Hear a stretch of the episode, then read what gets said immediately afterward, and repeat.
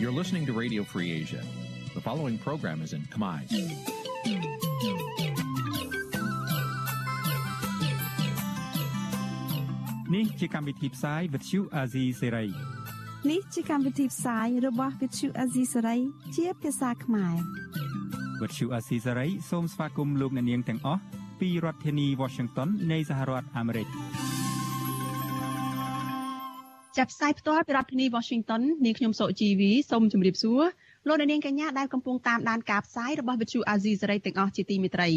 យើងខ្ញុំសូមជូនកម្មវិធីផ្សាយសម្រាប់យប់ថ្ងៃច័ន្ទ12កើតខែអាសត់ឆ្នាំឆ្លូវត្រីស័កពុរសករាជ2565ចាប់ត្រូវនៅថ្ងៃទី18ខែតុលាគ្រិស្តសករាជ2021ជាដំបូងនេះសូមអញ្ជើញលោកអ្នកនាងស្ដាប់ព័ត៌មានប្រចាំថ្ងៃដែលមានមេត្តាដូចតទៅ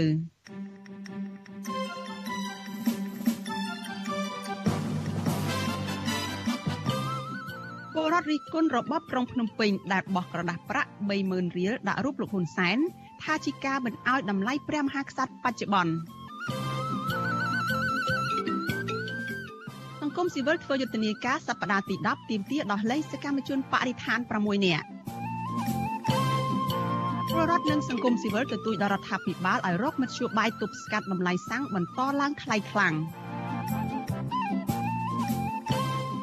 បទវិភាគជំវិញហេតុផលដែលច្បាប់កំណត់សញ្ជាតិខ្មែរតែមួយមិនមែនដើម្បីផលប្រយោជន៍ជាតិរួមនឹងព័ត៌មានផ្សេងផ្សេងមួយចំនួនទៀតចាជាបន្តទៅទៀតនេះនាងខ្ញុំសកជីវីសូមជូនព័ត៌មានទាំងនេះពិស្ដាចាលោកនាងជាទីមិត្តរីតកតនឹងការឆ្លងរាលដាលជំងឺ Covid-19 អ្នកជំងឺ Covid-19 ចំនួន19អ្នកចំនួន12អ្នកទៀតបានស្លាប់ដែលក្នុងនោះមាន4អ្នក រកឃើញថាបានចាក់វ៉ាក់សាំងនិង8អ្នកទៀតមិនបានចាក់វ៉ាក់សាំងនោះទេចាស់ចំពោះករណីឆ្លងថ្មីវិញគឺមានជិត200នាក់ក្នុងនោះមាន22នាក់គឺជាករណីដែលនាំចូលពីក្រៅប្រទេសនេះគឺជាលទ្ធផលដែលបញ្ជាក់ដោយម៉ាស៊ីនពិសោធន៍ PCR ចាស់គិតត្រឹមព្រឹកថ្ងៃទី18ខែតុលាកម្ពុជាមានអ្នកកើតជំងឺ Covid-19 ជាង116,000នាក់ក្នុងនោះអ្នកជាសះស្បើយមានប្រមាណជាង110,000នាក់ចំណែកករណីស្លាប់វិញ ក្រសួងអះអាងថាបានកើនឡើងដល់ជាង2670នាក់ក្រសួងសុខាភិបាលប្រកាសថាគិតត្រឹមថ្ងៃទី16ខែតុលារដ្ឋាភិបាលចាក់វ៉ាក់សាំងជូនប្រជាពលរដ្ឋដែលគ្រប់អាយុនោះបានជាង99%នៅក្នុងចំណោមមនុស្ស10លាននាក់ដែលត្រូវចាក់វ៉ាក់សាំងចំណែកកុមារនិងយុវជនដែលមានអាយុចន្លោះពី6ឆ្នាំទៅដល់17ឆ្នាំវិញក្រសួងបញ្ជាក់ថាការចាក់វ៉ាក់សាំងនោះបានជាង3លាន6សែននាក់នៅក្នុងចំណោមអ្នកដែលត្រូវចាក់សរុបជិត4លាននាក់ចា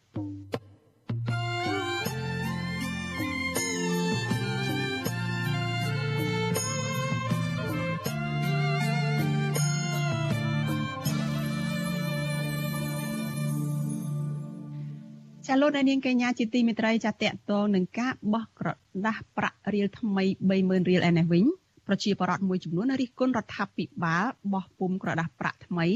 ដែលដាក់រូបលោកនាយរដ្ឋមន្ត្រីហ៊ុនសែននោះ ថាគឺជាការដែលមិនអោយតម្លៃព្រះមហាក្សត្រប្រតិកម្មរបស់ពលរដ្ឋនេះធ្វើឡើងក្រោយពេលលោកហ៊ុនសែនបានចេញអនុក្រឹត្យដាក់ឲ្យប្រើប្រាស់ក្រដាស់ប្រាក់ថ្មី ប្រភេទ30000រៀលដែលលោកអះអាងថាដើម្បីអបអរសាទរខួប30ឆ្នាំនៃកិច្ចព្រមព្រៀងសន្តិភាពទីក្រុងប៉ារីស23តុលាចាអ្នកវិភាគនយោបាយយល់ថានេះគឺជាការអបអរបែបប្រជាពិធដ្ឋចាសសូមស្ដាប់សេចក្តីរាយការណ៍របស់លោកទីនសការីយ៉ាអំពីរឿងនេះ ប្រជាពលរដ្ឋមួយចំនួនលើកឡើងថាការដើររបបលហ៊ុនសែនបោះពុំលុយថ្មីនេះគឺជាការមើលងាយព្រះមហាក្សត្របច្ចុប្បន្ននិងជាការកេងចំណេញនយោបាយក្រមប្រជាពលរដ្ឋនៅខេត្តស្វាយរៀងនិងខេត្តកោះកុងប្រាប់អាស៊ីសេរីនៅថ្ងៃទី18ដុល្លារថាលហ៊ុនសែនមិនគួរណាដាក់រូបខ្លួនឯងនៅក្នុងក្រដាស់ប្រាក់ថ្មី ប្រភេទ30000រៀលនោះទេប្រជាពលរដ្ឋទាំងនេះបន្តថាការដែលធ្វើបែបនេះគឺជាការមិនផ្ដល់តម្លៃដល់ព្រះមហាក្សត្រខ្មែរបន្ថែមពីនេះ ពួកគាត់មើលឃើញថាការបោះពុំលុយថ្មីនេះមិនមែនជាការអបអរខួប30ឆ្នាំនៃកិច្ចព្រមព្រៀងសន្តិភាពនៅក្រុងប៉ារីសថ្ងៃ23ដុល្លារនោះទេក៏ប៉ុន្តែលោកហ៊ុនសែនបែរជាចង់លើកខ្លួនឯងចង់ធ្វើជាស្ដេចពីព្រោះរបបឯកបកមិនបានគោរពសិទ្ធិមនុស្សនិងបានបំផ្លាញប្រជាធិបតេយ្យខ្ញុំអត់គ្រប់គ្រងទេបើសិនជាគាត់ដាក់សម្ដេចព្រះមហាក្សត្រសីហមុនីអានឹងខ្ញុំគ្រប់គ្រងព្រោះអីគាត់ជាព្រះមហាក្សត្រនៅគាត់នៅរស់ជំនួដល់ពេលដាក់ ព្រះបរមរតនកោដ្ឋហើយនឹងគាត់វិញអញ្ចឹងព្រះមហាក្សត្រសពថ្ងៃហ្នឹងគាត់លុបបំបត្តិចោលតែម្ដងមួយថ្ងៃមួយថ្ងៃគាត់គិតតែពីរឿងប្រយោជន៍តខ្លួនរបស់គាត់គាត់មិនដែលគិតប្រយោជន៍ជាពលរដ្ឋគាត់មិនដែលគិតថាជាពលរដ្ឋរស់នៅទឹកដីខ្មែរត្រូវការអ្នកណាស្រឡាញ់អ្នកណាជ្រើសរើសអ្នកណាឬមកសរុបអ្នកណាផងណាបើគាត់យកតែខ្លួនគាត់ត្រូវយកតែខ្លួនគាត់ល្អតែឯងអញ្ចឹងអត់មានគ្រប់សិទ្ធិជាពលរដ្ឋផងមួយថ្ងៃទៅថ្ងៃឃើញតែយំមិនស្រេចដូចគ្នានេះដែរសកម្មជនគណបកប្រឆាំងដែលកំពុងតែភៀសខ្លួននៅប្រទេសថៃលោកផុងសុជាតិថ្លែងថា ការដែលលោកហ៊ុនសែនបោះពុំលុយថ្មីនេះគឺជាការបំភាន់ភ្នែកប្រជាពលរដ្ឋដើម្បីកេងចំណេញនយោបាយតែប៉ុណ្ណោះលោកយល់ថាការធ្វើបែបនេះពីព្រោះលោកហ៊ុនសែនដឹងថាសប្តាហ៍ថ្ងៃនេះលែងមានប្រជាពលរដ្ឋគ្រប់គ្រងលោកទៀតហើយហើយដូច្នេះហើយសម្រាប់រូបខ្ញុំផ្ទាល់គឺថាសូមថ្កោលទោសយ៉ាងខ្លាំងក្លាចំពោះអំពើរំលោភរបស់លោកហ៊ុនសែនចំពោះជាតិខ្មែរនេះពួកលោកកំពុងតែតាំងខ្លួនថាគឺជាស្ដេច នៅក្នុងប្រទេសហើយលោកយករូបខ្លួនឯងមកដាក់នៅក្នុងគេហៅថារូបិយប័ណ្ណរបស់ជាតិនេះគឺថាលោករំលោភយ៉ាងធ្ងន់ធ្ងរប្រតិកម្មរបស់បរដ្ឋទាំងនេះក្រោយពេលរដ្ឋាភិបាលបានចេញអនុក្រឹត្យអនុញ្ញាតឲ្យចរាចរណ៍និងប្រើប្រាស់ក្រដាសប្រាក់ប្រភេទ30000រៀលគម្រោងថ្មីលោកហ៊ុនសែនបង្ហោះសារនៅក្នុង Facebook របស់លោកថា ការបោះពុំលុយថ្មីនេះដើម្បីអបអរសាទរខួប30ឆ្នាំនៃកិច្ចព្រមព្រៀងសន្តិភាពទីក្រុងប៉ារីស និងខួប30ឆ្នាំនៃការយាងចូលនិវត្តន៍របស់ព្រះករុណាព្រះបាទសម្ដេចព្រះនរោត្តមសីហនុនៅក្នុងក្រដាសថ្មីនេះមានដាក់រូបលោកហ៊ុនសែនឈរចាប់ដៃជាមួយសម្ដេចព្រះនរោត្តមសីហនុអតីតព្រះមហាក្សត្រខ្មែរអ្នកប្រើប្រាស់បណ្ដាញសង្គម Facebook បានបង្ហោះសាររិះគន់ប្រងព្រាតថាការបោះពុំលុយថ្មីដល់ដាក់រូបលោកហ៊ុនសែននេះគឺជាការមើលងាយដល់ព្រះមហាក្សត្របច្ចុប្បន្ននិងជាការបញ្ជាក់ថាលោកហ៊ុនសែនចង់ធ្វើអ្វីក៏បានតាមតែអំពើចិត្តលើសពីនេះទៀត ប្រដ្ឋមួយចំនួនរិះគន់ថារបបលោកហ៊ុនសែនមិនបានផ្ដល់តម្លៃនិងបានបំពេញតាមកិច្ចសន្យាដែលមានចែងនៅក្នុងកិច្ចព្រមព្រៀងសន្តិភាពទីក្រុងប៉ារីសនោះទេពីព្រោះកាលពីឆ្នាំ2019របបឯកបកបានលុបចោលទិវារំលឹកខួបនៃកិច្ចព្រមព្រៀងសន្តិភាពទីក្រុងប៉ារីស23ដុល្លារចេញពីប្រតិទិនឈប់សម្រាកប្រចាំឆ្នាំទាក់ទងនឹងបញ្ហានេះអ្នកនាំពាក្យគណៈបកកណ្ដាលអំណាចលោកសុកអេសានប្រាប់វិទ្យុអាស៊ីសេរីថាការបោះពុំលុយថ្មីនេះ គឺជាការលើកដំកើងវីរភាពសម្ដេចព្រះនរោត្តមសីហនុចំពោះការដាក់រូបលោកហ៊ុនសែនវិញលោកបញ្ជាក់ថានេះជានិមិត្តរូបដើម្បីបង្ហាញឲ្យឃើញថាអតីតព្រះមហាក្សត្រនៅលោកហ៊ុនសែនជាអ្នកប្រួយផ្ដើមនាំមកនូវកិច្ចព្រមព្រៀងសន្តិភាពនៅក្នុងប៉ារីសអញ្ចឹងវាជាអនុស្សាវរីយ៍ថាវាមានតែរឿងស្អីអឺធ្វើឲ្យប៉ះពាល់ដល់កិត្តិយសព្រះមហាក្សត្រវាអត់មានទេ ទោះបីជាយ៉ាងនេះក្តីនាវិភាននយោបាយលោកមរិតឡាវបង្ហាញមើលឃើញថាការបោះពុំលុយថ្មីដើម្បីអបអរសាទរខួបគម្រប់30ឆ្នាំនៃកិច្ចព្រមព្រៀងសន្តិភាពទីក្រុងប៉ារីសនេះមិនមានអ្វីសំខាន់នោះទេព្រោះជាការធ្វើឲ្យល្អមើលតែសម្បកក្រៅតែប៉ុណ្ណោះលោកបញ្ជាក់ថាអ្វីដែលសំខាន់រដ្ឋាភិបាលគួរតែអនុវត្តខ្លឹមសារនៃកិច្ចព្រមព្រៀងសន្តិភាពទីក្រុងប៉ារីសឲ្យបានត្រឹមត្រូវទើបបានជាប្រយោជន៍ជាតិ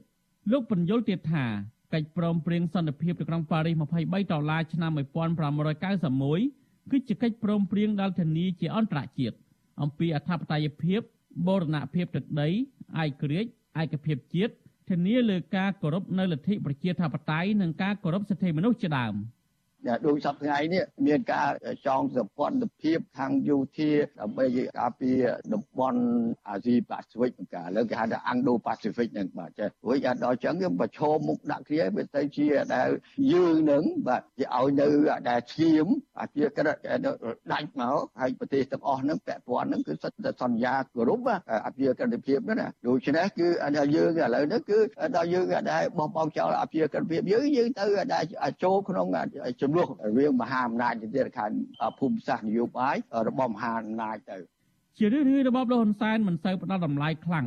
ដល់ថ្ងៃរំលឹកខួបនៃកិច្ចព្រមព្រៀងសន្តិភាពទីក្រុងប៉ារីស23ដុល្លារនេះទេកាលពីឆ្នាំ2005លោកធ្លាប់បានលុបចោលថ្ងៃរំលឹកខួបនៃកិច្ចព្រមព្រៀងសន្តិភាពទីក្រុងប៉ារីស23ដុល្លារម្ដងរួចទៅហើយ7ឆ្នាំក្រោយមកពលគឺនៅឆ្នាំ2012លោកបានព្រមដាក់បញ្ចូលថ្ងៃទី23ដុល្លារ ជាថ្ងៃឈប់សម្រាកឡើងវិញដោយចូលលើហេតុផលថាដើម្បីឧទ្ទិសដល់សម្ដេចព្រះនរោត្តមសីហនុដែលមានស្នាព្រះហស្ថក្នុងដំណើរការស្វែងរកសន្តិភាពប៉ុន្តែនៅខែសីហាឆ្នាំ2019លោកហ៊ុនសែនបានចេញអនុក្រឹត្យលុបទិវារំលឹកខួបនៃកិច្ចព្រមព្រៀងសន្តិភាពទីក្រុងប៉ារីស23ដុល្លារចេញពីថ្ងៃឈប់សម្រាកវិញលោកហ៊ុនសែនក្រៅតែពីមិនអោយតម្លៃដល់ព្រឹត្តិការណ៍នេះឲ្យតែថ្ងៃទី23ដុល្លារម្ដងម្ដងរបបលោកហ៊ុនសែនតែងតែពង្រាយកងកម្លាំងចម្រុះ ដើម្បីរារាំងនិងឃ្លាំមើលការប្រារព្ធទិវានេះពីសំណាក់ប្រជាពលរដ្ឋនិងក្រុមអង្គការសង្គមស៊ីវិលលើពីនេះទៀតអញ្ញាធិរបបលហ៊ុនសែនក៏បានចាប់ខ្លួនប្រជាពលរដ្ឋមួយចំនួន កាលពីឆ្នាំ2020ដាក់ពន្ធនាគារមកទល់ពេលនេះខ្ញុំធីនសាការីយ៉ាសេរីប្រធានីវ៉ាស៊ីនតោនលោកនាងកញ្ញាប្រិមិត្តជាទីមេត្រីចាលោកនាងកំពុងតាមដានការផ្សាយរបស់វិទ្យុអាស៊ីសេរីផ្សាយចេញពីរដ្ឋធានី Washington សហរដ្ឋអាមេរិក ចាប្រទេសមួយចំនួននៅអាស៊ានកំពុងតែប្រែក្លាយការដឹកនាំរបស់ខ្លួនទៅជារបបជិះជាន់គៀបសង្កត់បំបិតសិទ្ធិសេរីភាពពលរដ្ឋនិងបង្ក្រាបចាប់ចងក្រុមប្រឆាំងឥតត្រាប្រណីចាប់ប្រទេសទាំងនោះរួមមានភូមាថៃនិងកម្ពុជាជាដើម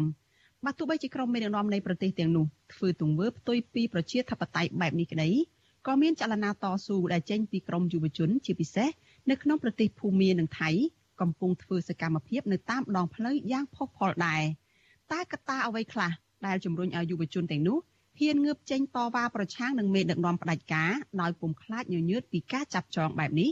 ចាសសូមលោកអ្នកនាងកុំភ្លេចរងចាំទស្សនាបទសម្ភាសអំពីរឿងនេះនៅក្នុងការផ្សាយរបស់យើងនៅពេលបន្តិចទៀតនេះ thank you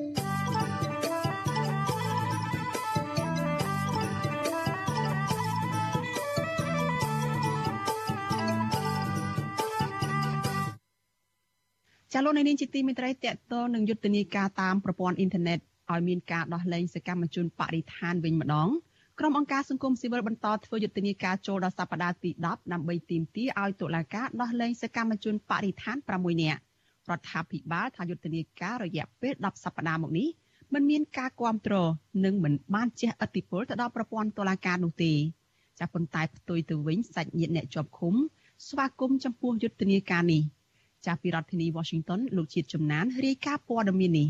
យុទ្ធនាការសប្តាហ៍ទី10នេះក្រុមអង្គការសង្គមស៊ីវិលបានទាញការចាប់អារម្មណ៍ថានៅមុនពេលដែលចាប់ខ្លួនយុវជនការពារបរិស្ថានទាំង6រូបតែងតែលើកឡើងពីបញ្ហាបរិស្ថាន ជាពិសេសការស្នើសុំឲ្យបញ្ឈប់ការលុបបង្តមោកឬបឹងទំនប់កប់ស្រូវ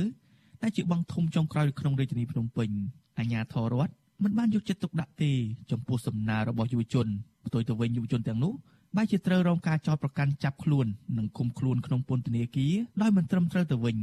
យុទ្ធនាការសប្តាហ៍ទី10នេះក្រមសង្គមស៊ីវិលបានបង្ហោះរូបភាពខុសប្លែកពីសប្តាហ៍មុនមុនដោយបញ្ចូលរូបភាពបែបកំ pl ែងចំអកក្នុងការបដិសេធសំណើលោកបឹងរបស់យុវជនទាំង6នាក់និងការពេញចិត្តចំពោះការចាក់ដីលោកបឹងជាដើម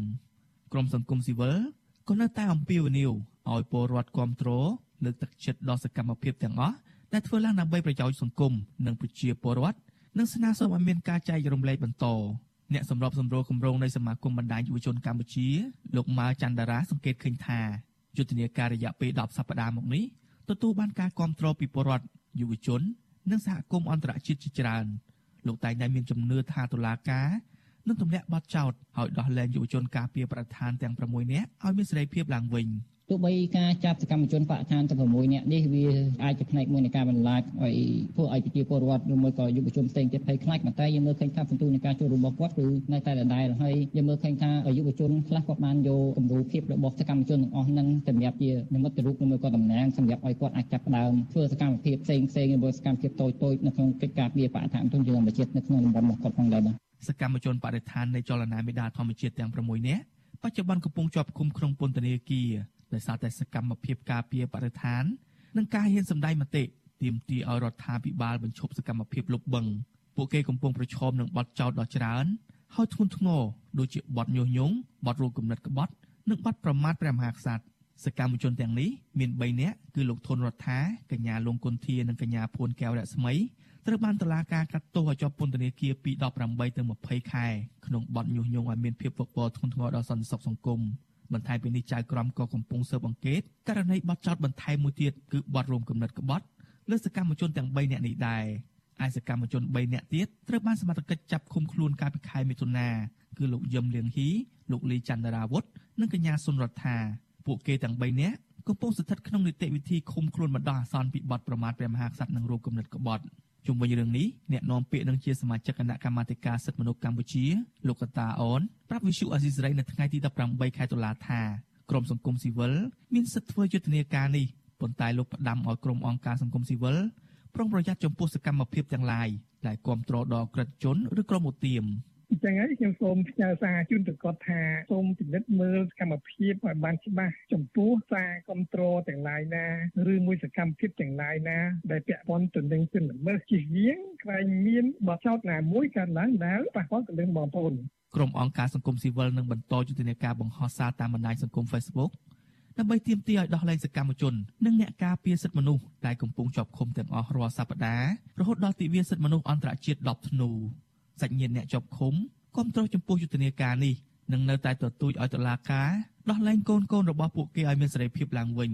ម្ដាយរបស់សកម្មជនមេដាធម្មជាតិកញ្ញាលងខុនធា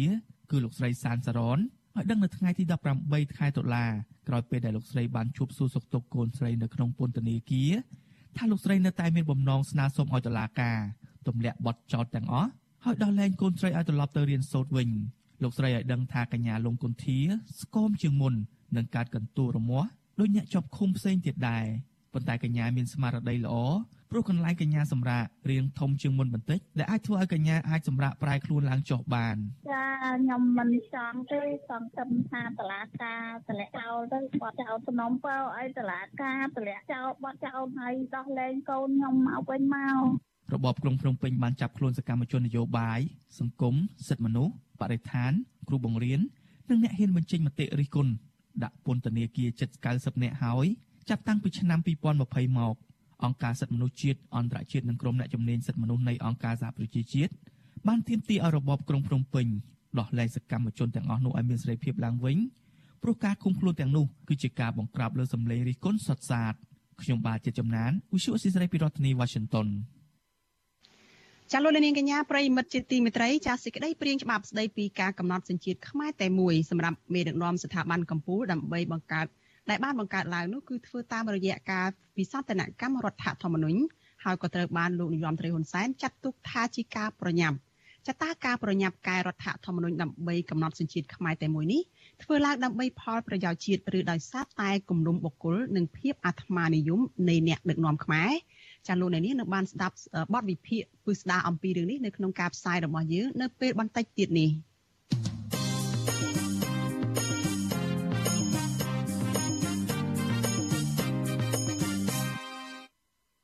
ចលនានាងជាទីមេត្រីសេចក្តីរាយការណ៍តាក់ទងនឹងសកម្មជនការពារដីធ្លីឯនេះវិញ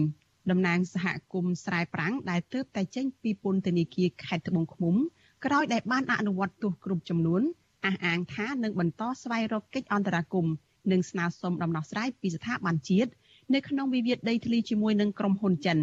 ចាស់ស្របគ្នានេះលោកក៏អំពាវនាវឲ្យតុលាការដោះលែងពលរដ្ឋដែលមានទំនាស់ដីធ្លី3នាក់ទៀតឲ្យមានសេរីភាពមកជួបជុំគ្រួសារដោយដើមវិញចាសសូមស្ដាប់សេចក្តីរាយការណ៍របស់លោកមានរិទ្ធអំពីរឿងនេះជាកសិករមួយរូបនៅភូមិស្រែប្រាំងឃុំតាពាំងព្រីងស្រុកដំបែខេត្តត្បូងឃ្មុំ លោកសែមសាងត្រូវបានអ្នកភូមិពឹងពាក់ឲ្យឈរជាតំណាងរបស់ពួកគាត់នៅក្នុងកិច្ចការស្វែងរកដំណោះស្រាយវិវាទដីធ្លីពីអាជ្ញាធរនិងក្រសួងពាក់ព័ន្ធជាច្រើនលើកច្រើនសារក៏ប៉ុន្តែការខិតខំរបស់តំណាងពលរដ្ឋអស់រយៈពេលជាង7ឆ្នាំមកនេះមិនទទួលបានដំណោះស្រាយពីក្រសួងដែនដីនោះទេបែរជាលោករងនឹងការចោទប្រកាន់និងឃុំខ្លួនដាក់ក្នុងពន្ធនាគារទៅវិញលោកសែមសាងដែលទើបចេញពីពន្ធនាគារបាន4ថ្ងៃរៀបរាប់ថា ការចាប់ខ្លួនលោកពីសំណាក់អាជ្ញាធរកាលពីខែតុលាឆ្នាំ2019កន្លងទៅហើយត្រូវតុលាការកាត់ទោសលោកឲ្យជាប់ពន្ធនាគាររយៈពេល2ឆ្នាំនោះគឺជារឿងរ៉ាវអយុត្តិធម៌និងឈឺចាប់ជាទីបំផុតចំពោះរូបលោក ដែលគ្រាន់តែចេញតវ៉ាទាមទាររកដំណោះស្រាយដីធ្លីដោយសន្តិវិធី ពីអាជ្ញាធរនិងក្រសួងដែនដីលោកបន្តថានៅក្នុងពន្ធនាគារឆ្ងាយពីគ្រួសារអស់រយៈពេល2ឆ្នាំមកនេះ ធ្វើឲ្យកូនស្រីពៅរបស់លោកអាយុ1ខួប9ខែមិនហ៊ានជួបមុខឪពុក នៅពេលលោកវិលត្រឡប់មកជួបជុំក្រុមគ្រួសារវិញដោយសារតែកាលនោះភរិយារបស់លោកបានពោពោះនាងបាន3ខែប៉ុណ្ណោះលោកឲ្យដឹងទៀតថាការផ្ដន្ទាទោសដោយតុលាការមិនបានចុះស្រាវជ្រាវឲ្យបានច្បាស់លាស់អំពីវិវាទដីធ្លីជាមុននោះ បង្កទុកលំបាកជាច្រើនដល់ភរិយារបស់លោក ដែលត្រូវដើរស៊ីឈ្នួលទាំងនាងមានផ្ទៃពោះនិងខ្ចីប្រាក់ពីធនាគារនិងអ្នកភូមិផ្សេងសរុបជាង20000ដុល្លារដើម្បីយកមកដោះស្រាយជីវភាពរស់នៅនិងផ្គត់ផ្គង់លោកនៅក្នុងពេលជាប់ឃុំលោកសែមសាង ដែលមានកូន3នាក់នៅក្នុងបន្ទុកគ្រួសារបញ្ជាក់ថានៅក្នុងអំឡុងពេលនេះលោកត្រូវខិតខំធ្វើការរកប្រាក់សងបំណុលធនាគារជាមុនសិន ហើយនឹងបន្តស្វែងរកការដោះស្រាយនៅក្នុងរឿងរ៉ាវវិវាទដីធ្លីជាថ្មីទៀតតំណាងសហគមន៍ស្រែប្រាំងរូបនេះស្នើសុំរដ្ឋាភិបាលចុះពិនិត្យនិងដោះស្រាយបញ្ចប់បញ្ហាដីធ្លីជូនប្រជាពលរដ្ឋនៅឃុំតាពាំងព្រីង។ គេចាប់ខ្ញុំចូលពន្ធនាគារមិនទាន់បាន3 4ខែផងបែរទៅជាខាងក្រសួងចេញខ្លងឲ្យក្រុមហ៊ុនខ្ញុំសោកស្ដាយមែនទែនពេលនេះបាទហើយខ្ញុំសូមឲ្យសម្ដេចនាយកជួយរកភាពយុត្តិធម៌ជូនប្រជាពលរដ្ឋហើយនិងសូមឲ្យសម្ដេចនាយកបង្កើតគណៈកម្មការចម្រុះហើយនឹងវេកញែករោគដែលអ្នកពាក់ព័ន្ធដូចជាអ្នកណាដែលហ៊ានលក់ដីទៅឲ្យក្រុមហ៊ុននេះមិនមែនបុគ្គលប្រជាពលរដ្ឋអ្នកលក់ទេគឺមានតែអាជ្ញាធរទេគាត់មានសិទ្ធិជាងបាទហើយនឹងសូមឲ្យគុំទៅពីទីនេះកុំឲ្យមានចាប់ចងឬគំរាមកំហែងចាប់ដាក់គុកឬក៏អំពើហិង្សាលើពលរដ្ឋពីដើមនឹងទៀតខ្ញុំសូមទទូចសូមឲ្យរកភាពយុត្តិធម៌ជូនប្រជាពលរដ្ឋតែម្ដងកាលពីថ្ងៃទី3ខែមិថុនាឆ្នាំ2020សាលាដំបងខេត្តត្បូងឃ្មុំ បានផ្តន្ទាទោសលោកសែមសាងវ័យ37ឆ្នាំឲ្យជាប់ពន្ធនាគាររយៈពេល7ឆ្នាំពីបទកំហែងយកដោយមានស្ថានទម្ងន់ទោសដោយសារប្រើប្រាស់អាវុធនៅភូមិស្រែប្រាំងឃុំតាពាំងព្រីងកាលពីថ្ងៃទី18ខែកុម្ភៈឆ្នាំ2016ក៏ប៉ុន្តែទោសនេះត្រូវបានសាលាធរត្បូងឃ្មុំបន្ថយមកនៅត្រឹម2ឆ្នាំវិញក្រោយពីក្រុមមេធាវីការពារលោកសែមសាងបានប្តឹងទាស់ទៅនឹងសាលក្រមនោះ ព្រោះកូនក្តីរបស់ពួកគេមិនបានប្រព្រឹត្តដោយការចោទប្រកាន់នោះទេប្រធានសមាគមសម្ព័ន្ធសហគមន៍កសិករកម្ពុជា លោកថេងសវឿនមានប្រសាសន៍ថាការកាត់ទោសលោកសែមសាង ដាក់ពន្ធនាគារកន្លងមកនេះគឺជារឿងមិនត្រឹមត្រូវនោះទេព្រោះលោកថាតំណាងពលរដ្ឋរូបនេះជាមនុស្សស្លូតបូតមិនបានប្រព្រឹត្តកំហុសដោយការចោទប្រកាន់របស់តុលាការដែលផ្អែកតាមរបាយការណ៍របស់សមាជិកនោះទេ លោកស្នើសុំឲ្យតុលាការគ្រប់ជាន់ថ្នាក់និងក្រសួងយុតិធធពិនិត្យមើលសំណុំរឿងតំណាងសហគមន៍3នាក់ផ្សេងទៀតរួមមានលោកហ៊ឿនស៊ីនៀតលោកសែមចំណាន និងលោកផុនសុផលឡើងវិញ ហើយដោះលែងពួកគេឲ្យមានសេរីភាពដោយលោកសែមសាងដែរ។ ខ្ញុំគិតថាវាគឺជារឿងមួយដែលរដ្ឋត្រូវតែក៏ដូចជាសាលាការត្រូវតែផ្ដល់នៅសេចក្តីដកបណ្ដៃទៅលើ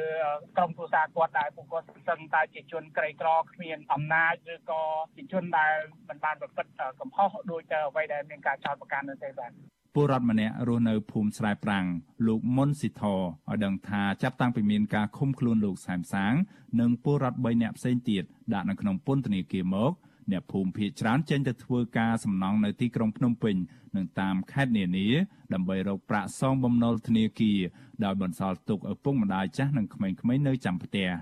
លោកបញ្ជាក់ថាក្នុងរយៈពេល2ឆ្នាំចុងក្រោយនេះក្រុមហ៊ុនចិនឈ្មោះ Harmony One Investment បានចូលកាន់កាប់ដីចំការនិងព្រៃសហគមន៍របស់អ្នកភូមិទាំងស្រុងដោយគ្មានការរារាំងពីអាជ្ញាធរនោះឡើយ។ បាទបើតាមខ្ញុំមើលរងថ្ងៃនេះគឺថាបញ្ឈប់អស់ហើយមានអីទៀតគ្រូបើឥឡូវខាងក្រុមហ៊ុនគេចូលកាន់កាត់កាន់កាប់អស់ហើយនឹងអញ្ចឹងប្រជាប្រដ្ឋយើងមានតែចំណាក់ស្រុកដើរធ្វើការសំណង់ធ្វើការងារអីផ្សេងផ្សេងដែលយើងអាចធ្វើទៅបាននៅតាមខេត្តនៅតាមក្រុងអញ្ចឹងទៅឥឡូវហ្នឹងវិវាទដីធ្លីជាមួយក្រុមហ៊ុនចិនឈ្មោះ Harmony One Investment ជាមួយបុរដ្ឋនៅឃុំតាពាំងព្រីងកើតមានឡើងខ្លាំងនៅឆ្នាំ2014និង2015ក្រោយពេលដីនៅតំបន់នោះជិត1000ហិកតាត្រូវបានអាជ្ញាធរមូលដ្ឋាន ដើរប្រមូលស្នាមមេដៃពីប្រជាពលរដ្ឋហើយប្រគល់ប្រាក់ឲ្យពួកគាត់នៅក្នុងមួយគ្រួសារទទួលបានពី40ម៉ឺនរៀលទៅជា1លានរៀលជាថ្នូវនឹងបានលក់ដីឲ្យក្រុមហ៊ុន កាលពីឆ្នាំ2009ស្របពេលដែលពជាសហគមន៍មិនបានដឹងថាដីនោះនៅចំណុចណានៅឡើយក្រៅពីវិបត្តិដីធ្លីជាមួយក្រុមហ៊ុនចិនពលរដ្ឋនៅឃុំតាពាំងព្រីងក៏នៅមានបញ្ហាប្រឈមមួយទៀត ដោយសារតែដីព្រៃសហគមន៍របស់អ្នកភូមិប្រមាណ10សហគមន៍ដែលមានទំហំជាង5000ហិកតាត្រូវបានក្រុមអ្នកមានលុយមានអំណាចគ្រប់គ្រងមួយភាគធំនាពេលបច្ចុប្បន្ននេះ ពលរដ្ឋបានប្តឹងករណីនេះតាំងពីថ្នាក់ឃុំរហូតដល់ថ្នាក់ជាតិនិងបានដាក់ពាក្យប្តឹងទៅតុលាការថែមទៀតផងក្នុងគោលបំណងទាមទារដីព្រៃសហគមន៍ទាំងនោះមកដាក់ជាសម្បត្តិរួមវិញនិងដាក់ទោសទណ្ឌដល់ក្រុមជនល្មើសទៀតផងក៏ប៉ុន្តែគិតរហូតមកទល់ពេលនេះដំណើរការស្វែងរកដំណោះស្រាយនៅមិនទាន់ចេញជារូបរាងនៅឡើយទេកាលពីថ្ងៃទី13ខែតុលារដ្ឋមន្ត្រីក្រសួងមហាផ្ទៃលោកសុកហេងបានជំរុញឲ្យរដ្ឋបាលខេត្តនិងអាជ្ញាធរមូលដ្ឋានទាំងអស់ ត្រូវព្យាយាមដោះស្រាយទំនាស់នានាជូនប្រជាពលរដ្ឋឲ្យស្ថិតនៅក្រៅប្រព័ន្ធតុលាការដើម្បីកុំឲ្យប្រជាពលរដ្ឋពិបាករងមេធាវីនិងចំណាយអស់ថវិកាច្រើនលើសពីនេះទៀតលោកសកខេងលើកឡើងថាបញ្ហាដីធ្លីនេះប៉ះសិនបើមិនដោះស្រាយជូនប្រជាពលរដ្ឋដោយយុត្តិធម៌និងដំណាភាពនោះទេនោះនឹងធ្វើឲ្យគណៈបកប្រជាជនកម្ពុជាបាត់បង់សន្លឹកឆ្នោតគ្រប់គ្រងនាពេលខាងមុខបើទោះបីជាមានការជំរុញបែបនេះ ពីមន្ត្រីជាន់ខ្ពស់គណៈបកកណ្ដាលអំណាចក៏ដោយក៏ប៉ុន្តែអង្គការសង្គមស៊ីវិលរកឃើញថាការចាប់ខ្លួននិងការឃុំខ្លួនតំណាងសហគមន៍និងសកម្មជនដីធ្លីពីសំណាក់អាជ្ញាធរនៅតែកើតមានឡើងជាបន្តបន្ទាប់នៅក្នុងរឿងរ៉ាវវិវាទដីធ្លីនៅកម្ពុជា នៅក្នុងរយៈពេល2ឆ្នាំចុងក្រោយនេះនៅក្នុងវីដេអូខ្លីមួយរបស់អង្គការ Liga do ដែលបានចេញផ្សាយកាលពីថ្ងៃទី17ខែតុលាអង្គការនេះបានបង្ហាញថាប្រជាពលរដ្ឋជាង5000គ្រួសាររងផលប៉ះពាល់ពីការរំលោភបំពានយកដីធ្លីហើយមានសមាជិកសមាគមនិងសកម្មជនដីធ្លីយ៉ាងតិចណាស់21នាក់ត្រូវបានឃាត់ខ្លួនពីសំណាក់អាជ្ញាធរក្នុងនោះមានមនុស្ស10នាក់កំពុងជាប់ឃុំក្នុងពន្ធនាគារនៅក្នុងអំឡុងពេលរីករាលដាលនៃជំងឺ Covid-19 ពីឆ្នាំមុននេះ ក្រុមអង្គការសង្គមស៊ីវិលពិនិត្យឃើញថាអាញាធរដ្ឋាភិបាល បានធ្វើទុកបុកម្នេញធ្ងន់ធ្ងរដូចជាចោតប្រកាន់និងចាប់ខ្លួនសកម្មជនដីធ្លីសកម្មជនបរិស្ថានជាច្រើនអ្នកដោយចោទពីបទញុះញង់ឲ្យប្រព្រឹត្តបទឧក្រិដ្ឋជាអាតបទញុះញង់បង្កឲ្យមានភាពវឹកវរធ្ងន់ធ្ងរដល់សន្តិសុខសង្គមនិងបទល្មើសផ្សេងទៀតដោយគ្រាន់តែពួកគេប្រើប្រាស់សិទ្ធិស្របច្បាប់របស់ខ្លួនសង្គមស៊ីវិលស្នើតុលាការទម្លាក់ចោលបទចោទប្រកាន់ទៅលើតំណាងសហគមន៍ដីធ្លីទាំងអស់និងដោះលែងតំណាងសហគមន៍ដែលត្រូវបានចាប់ខ្លួនឲ្យមានសេរីភាពមកវិញខ្ញុំបាទមេរិត Visual C ស្រីរាយការណ៍ពីរដ្ឋធានី Washington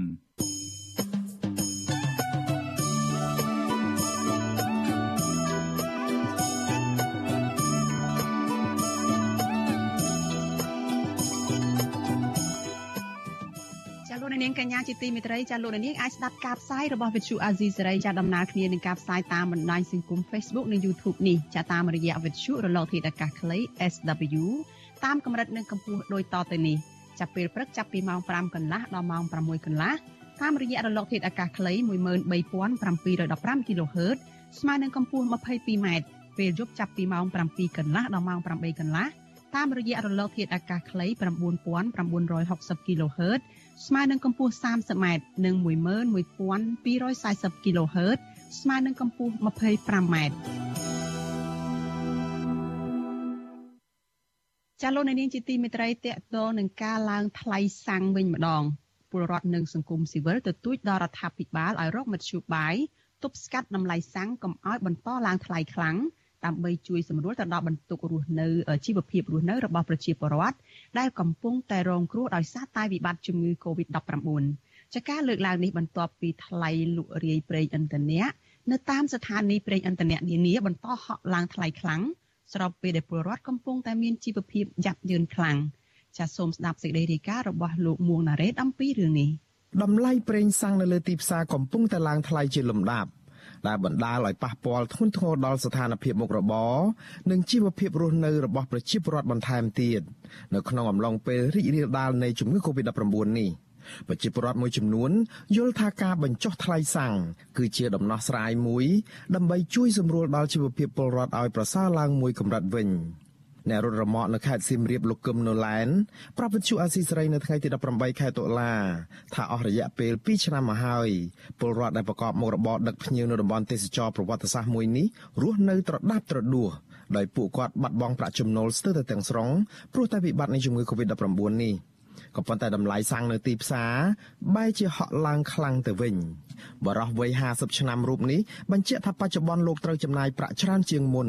ទៅលើប្រេងសាំងចាក់ម៉ូតូរម៉កដោយសារតែលោកត្រូវជិះរកភ្ញៀវគ្រប់ច្រកល្ហកដើម្បីរកប្រាក់បន្តិចបន្តួចសម្រាប់ផ្គត់ផ្គង់គ្រួសារដែលកំពុងតែខ្វះខាត និងសម្រាប់សងបំណុលផង លោកថាតម្លៃប្រេងសាំងឡើងថ្លៃនេះមិនសមស្របទៅនឹងប្រាក់ចំណូលរបស់ប្រជាពលរដ្ឋដែលកំពុងតែរងគ្រោះនោះទេដូច្នេះលោកស្នើឲ្យរដ្ឋាភិបាលរកមធ្យោបាយបញ្ចុះវាជាបន្ទាន់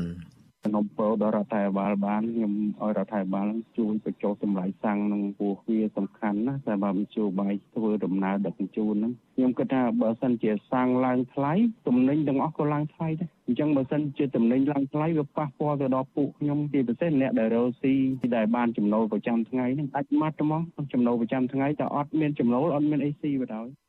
អ្នករត់ផាសអែបម្នាក់ទៀតនៅឯខេត្តប្រស័យអនុលោកសួនណារាប្រាប់ថាតម្លៃសាំងឡើងថ្លៃបែបនេះធ្វើឲ្យអ្នកប្រកបមុខរបរដឹកជញ្ជូនគ្មានប្រាក់សេសសល់សម្រាប់ដោះស្រាយបញ្ហាជីវភាពគ្រួសារនោះឡើយបច្ចុប្បន្នលោករកប្រាក់ចំណូលបានមួយថ្ងៃហូបតែមួយថ្ងៃតែប៉ុណ្ណោះដោយសារតែលោកត្រូវចំណាយខ្ពស់ជាងមុនលើថ្លៃសាំងនិងហ្គាសស្របពេលដែលប្រជាពលរដ្ឋមិនសូវធ្វើដំណើរអំឡុងវិបត្តិនៃជំងឺ Covid-19 បរិះរូបនេះឲ្យដឹងថាលោកនឹងលក់ផាសស្អែបនេះពីព្រោះតែលោកគ្មានលទ្ធភាពបង់ប្រាក់ប្រចាំខែឲ្យក្រុមហ៊ុននេះបន្តទៀតនោះទេ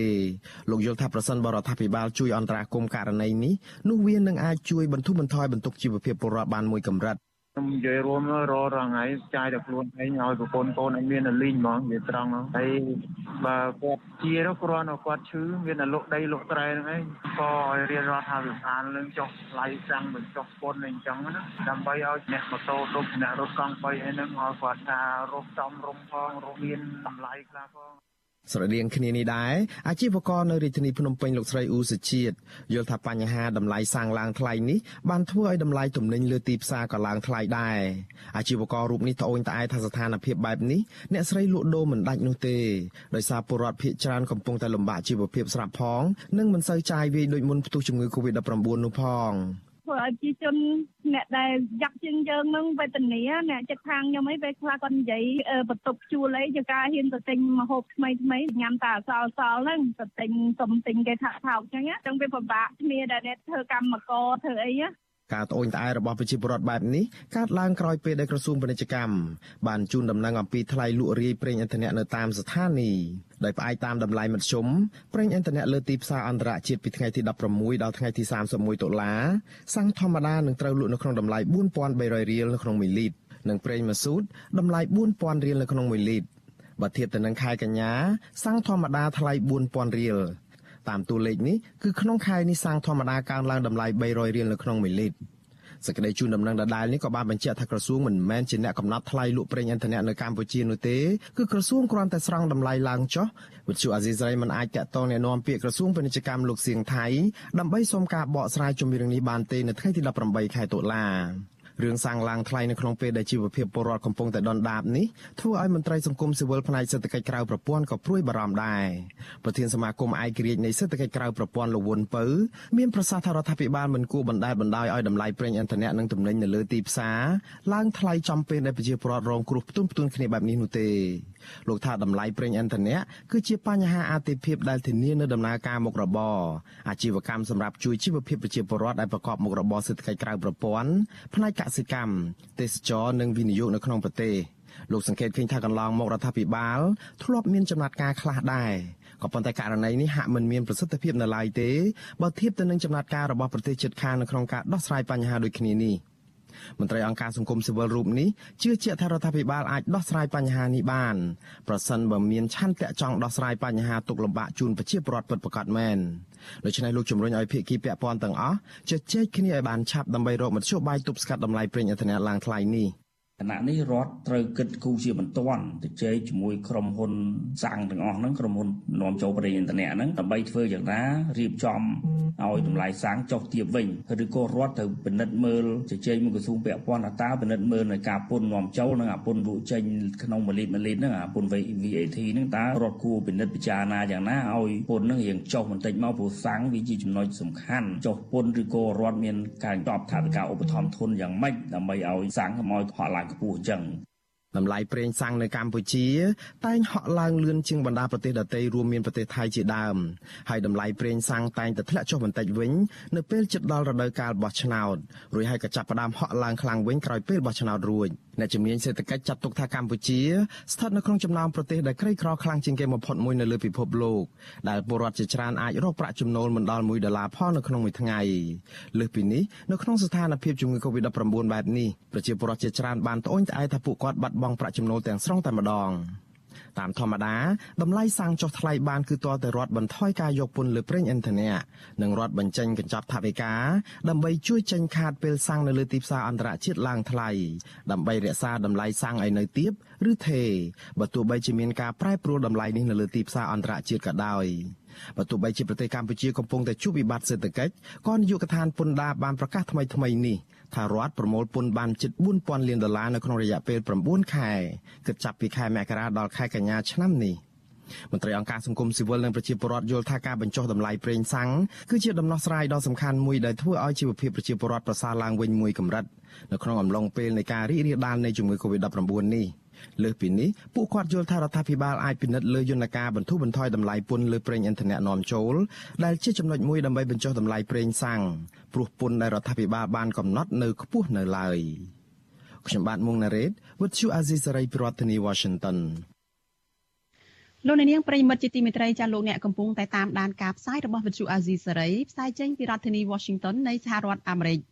ចាប្រទេសមួយចំនួននៅអាស៊ានកំពុងតែប្រែក្លាយការដឹកនាំរបស់ខ្លួនទៅជារបបជិះជាន់គៀបសង្កត់បំបិតសិទ្ធិសេរីភាពពលរដ្ឋនិងបង្ក្រាបចាប់ចងក្រុមប្រឆាំងឥតត្រាប្រណីចាប្រទេសទាំងនោះរួមមានភូមាថៃនិងកម្ពុជាជាដើមបើទោះបីជាមេដឹកនាំក្រុមបើទោះបីជាក្រុមមេដឹកនាំនៃប្រទេសទាំងនោះធ្វើទង្វើផ្ទុយពីប្រជាធិបតេយ្យបែបនេះក្តីក៏មានចលនាតស៊ូដែលចាត់ចេញពីក្រមយុវជនជាពិសេសនៅក្នុងប្រទេសភូមានិងប្រទេសថៃ ហើយកំពុងធ្វើសកម្មភាពនៅតាមដងផ្លូវយ៉ាងផុសផុលផងដែរតើកត្តាអ្វីខ្លះដែលជំរុញឲ្យយុវជនទាំងនោះហ៊ានងើបចេញតវ៉ាប្រឆាំងនឹងមេដឹកនាំផ្ដាច់ការដោយពុំខ្លាចញញើតការចាប់ចងបែបនេះចាសសូមលោកនាងរងចាំទស្សនាបទសម្ភាសអំពីរឿងនេះនៅក្នុងការផ្សាយរបស់យើងនៅពេលបន្តិចទៀតនេះចលនានេះជាទីមេត្រីសេចក្តីព្រៀងច្បាប់ស្តីពីការកំណត់សញ្ជាតិខ្មែរតែមួយសម្រាប់មេដឹកនាំស្ថាប័នកម្ពុជា ដែលបង្កើតឡើងតាមរយៈការធ្វើវិសោធនកម្មរដ្ឋធម្មនុញ្ញនោះត្រូវបានលោកនាយករដ្ឋមន្ត្រីហ៊ុនសែនចាត់ទុកថាជាការប្រញាប់តើការប្រញាប់ប្រញាល់កែរដ្ឋធម្មនុញ្ញដើម្បីកំណត់សញ្ជាតិខ្មែរតែមួយនេះធ្វើឡើងដើម្បីផលប្រយោជន៍ជាតិឬដោយសារតែគំនុំបុគ្គលនិងភាពអាត្មានិយមនៃមេដឹកនាំខ្មែរចាលោកមួងណារ៉េតសូមជូនបទវិភាគមួយអំពីរឿងនេះដូចតទៅ ការកែរដ្ឋធម្មនុញ្ញដែលជាច្បាប់កម្ពុជានិងដែលត្រូវធ្វើឡើងយ៉ាងតក់ក្រហល់នៅក្នុងកលៈទេសៈនេះទំនងជាមិនមែនធ្វើឡើងដើម្បីប្រយោជន៍ជាតិពិតប្រាកដនោះឡើយតទៅនេះគឺជាតលហីកឬក៏សំអាងហេតុដែលគ្រប់គ្រងដល់ការយល់ឃើញខាងលើ ទី1នៅក្នុងពេលនេះប្រទេសកម្ពុជា កំពុងតែស្ថិតនៅក្នុងស្ថានភាពដ៏លំបាកលំបិនបំផុតផ្នែកសេដ្ឋកិច្ចនិងសង្គមដោយសារតែវិបត្តិនៃជំងឺ Covid-19 កំណើនសេដ្ឋកិច្ចកម្ពុជាដែលធ្លាប់កើន7%ប្រចាំឆ្នាំបានធ្លាក់មកនៅក្រោមសូន្យនិងត្រូវការច្រានឆ្នាំទម្រាំស្ដារបានមកវិញវិស័យទេសចរក៏ដាំក្បាលចុះដល់ចំណុចសូន្យដែរ ជិត2ឆ្នាំមកនេះរដ្ឋខ្សោះអស់ថវិកាទាំងថវិកាបំរុងដែលតម្រូវឲ្យរដ្ឋកាត់បន្ថយថវិកាជាតិសម្រាប់ការចំណាយទូទៅពាក់កណ្ដាលប្រជាពលរដ្ឋរាប់លានអ្នកបាត់បង់មុខរបរការងារនិងប្រភពរកប្រាក់ចំណូលដើម្បីចិញ្ចឹមជីវិតប្រចាំថ្ងៃស្របពេលដែលពួកគាត់ជំពាក់បំណុលធនាគារវ៉ាន់កមិនថាអ្នកនៅក្នុងស្រុកទេ ដែលជួបបញ្ហាពលករចំណាក់ស្រុកជិត2លាននាក់ក៏ជួបបញ្ហាលំបាកនេះដែរ ពលករជាង20000នាក់ឆ្លងជំងឺ Covid-19 និងមិនទទួលបានការយកចិត្តទុកដាក់ថែទាំសុខភាពពេញលេញពីអាជ្ញាធរប្រទេសថៃនិងអាជ្ញាធរកម្ពុជានោះទេ ពលករជាច្រើនសម្រុកមកកម្ពុជាវិញក៏ប៉ុន្តែដោយសារគ្មានការងារធ្វើនៅក្នុងស្រុកពួកគាត់ត្រូវប្រថុយប្រឋានឆ្លងដែនទៅប្រទេសថៃដើម្បីរកការងារធ្វើទាំងប្រទេសថៃកំពុងតែផ្ទុះជំងឺ Covid-19 ខ្លាំង ក្នុងពេលជាមួយគ្នានេះអង្គការ UNICEF បានព្រមានកាលពីដើមខែតុលាថាកុមារនិងយុវជនខ្មែរជាច្រើនមានបញ្ហាសុខភាពផ្លូវចិត្តដោយសារតែផលប៉ះពាល់នៃវិបត្តិនៃជំងឺ Covid-19 ដែលតម្រូវឲ្យរដ្ឋាភិបាលយកចិត្តទុកដាក់ខ្ពស់នៅក្នុងការដោះស្រាយបញ្ហាចំពោះមុខទាំងអស់នេះត្រូវការដោះស្រាយជាបន្ទាន់ក៏ប៉ុន្តែមិនមានការពាក់ព័ន្ធអ្វីសំបីតែបន្តិចទៅនឹងភាពបន្ទាន់និងចាំបាច់នៃការកែរដ្ឋធម្មនុញ្ញដើម្បីកំណត់សញ្ជាតិតែមួយនេះទេ ទី2បើទោះបីជារបបក្រុងភ្នំពេញខំប្រឹងបង្ហាញរូបភាពនៃការយល់ស្របនិងស្រុះគ្នាតាមគំនិតរបស់លោកហ៊ុនសែនក្តីក៏កម្ពុជានៅពេលនេះពុំមានឯកភាពជាតិនោះទេ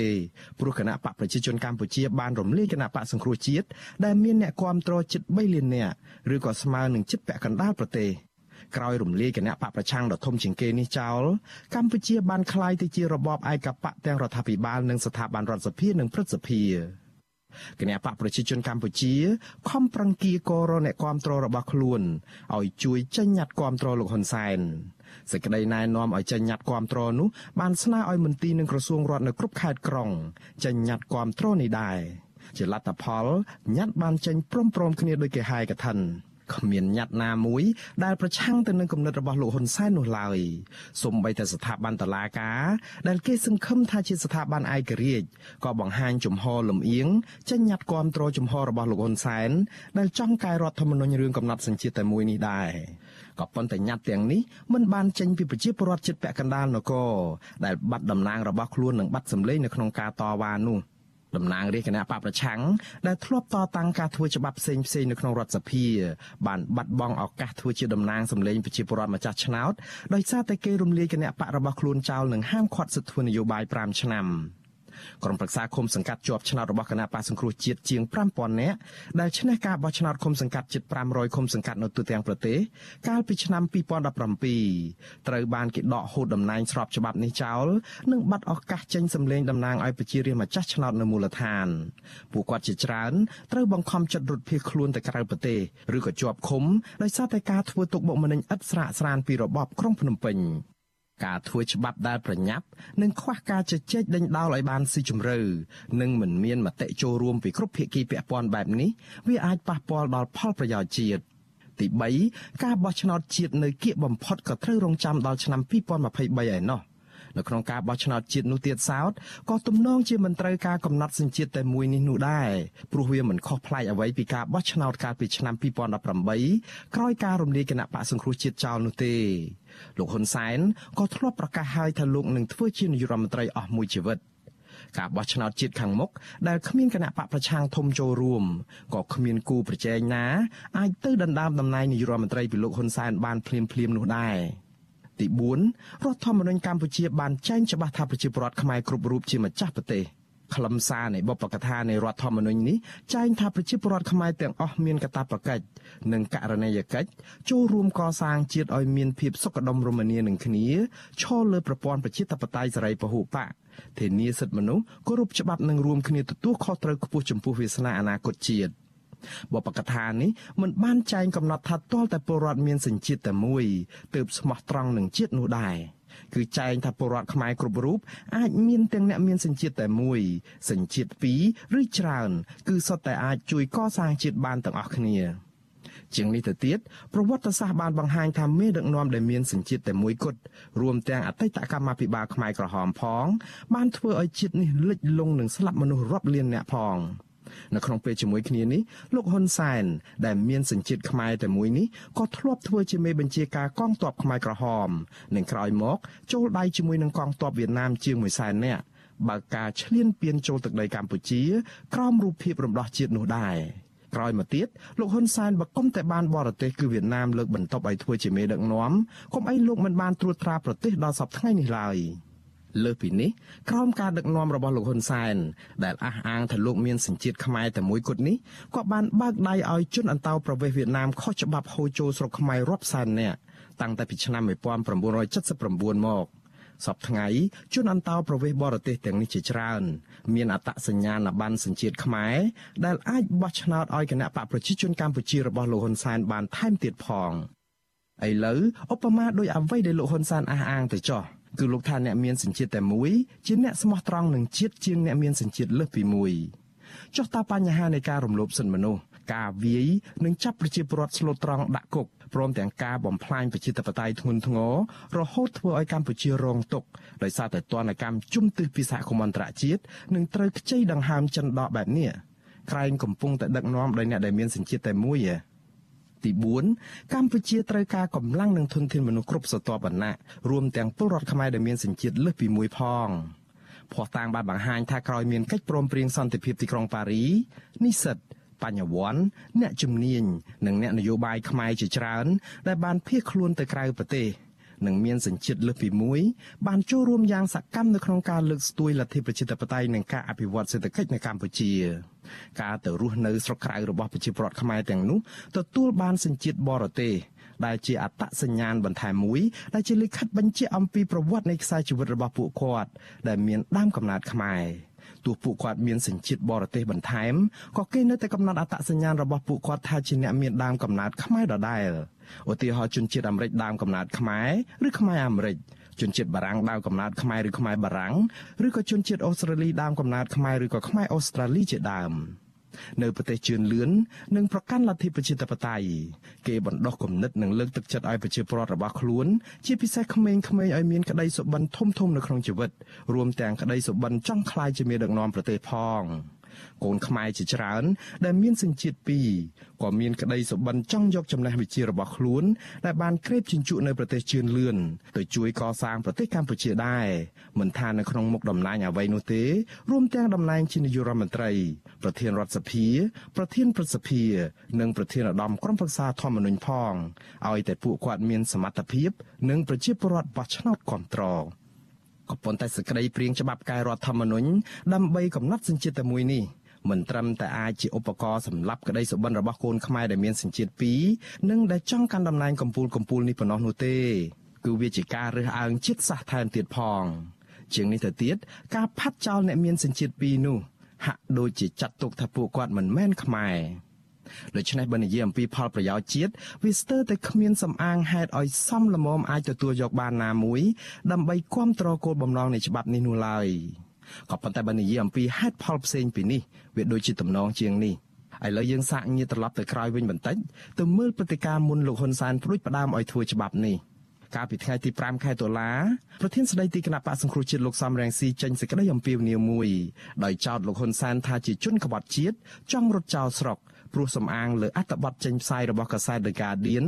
ដែលចុះផ្សាយមុននេះថាលោកហ៊ុនសែនបានទិញលិខិតឆ្លងដែនសញ្ជាតិស៊ីប លោកសំរងស៊ីអំពាវនាវឲ្យប្រជាពលរដ្ឋខ្មែរនិងកងកម្លាំងប្រដាប់អាវុធផងត្រូវជំរុញឲ្យរបបលោកហ៊ុនសែនដួលរលំនិងត្រូវរៀបចំប្រទេសកម្ពុជាឡើងវិញឲ្យប្រជាពលរដ្ឋខ្មែរបានស្គាល់នៅលទ្ធិប្រជាធិបតេយ្យពិតប្រាកដក្រោយលោកសំរងស៊ីចេញសារនេះភ្លាមប្រសិនបើលោកនាយរដ្ឋមន្ត្រីហ៊ុនសែន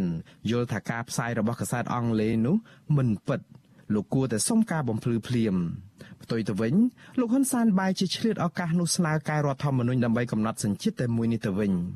លោកហ៊ុនសែនសរសេរសារនៅលើ Facebook របស់លោកនៅថ្ងៃទី5ខែតុលាដដែលនោះថាបលេងកុំខឹង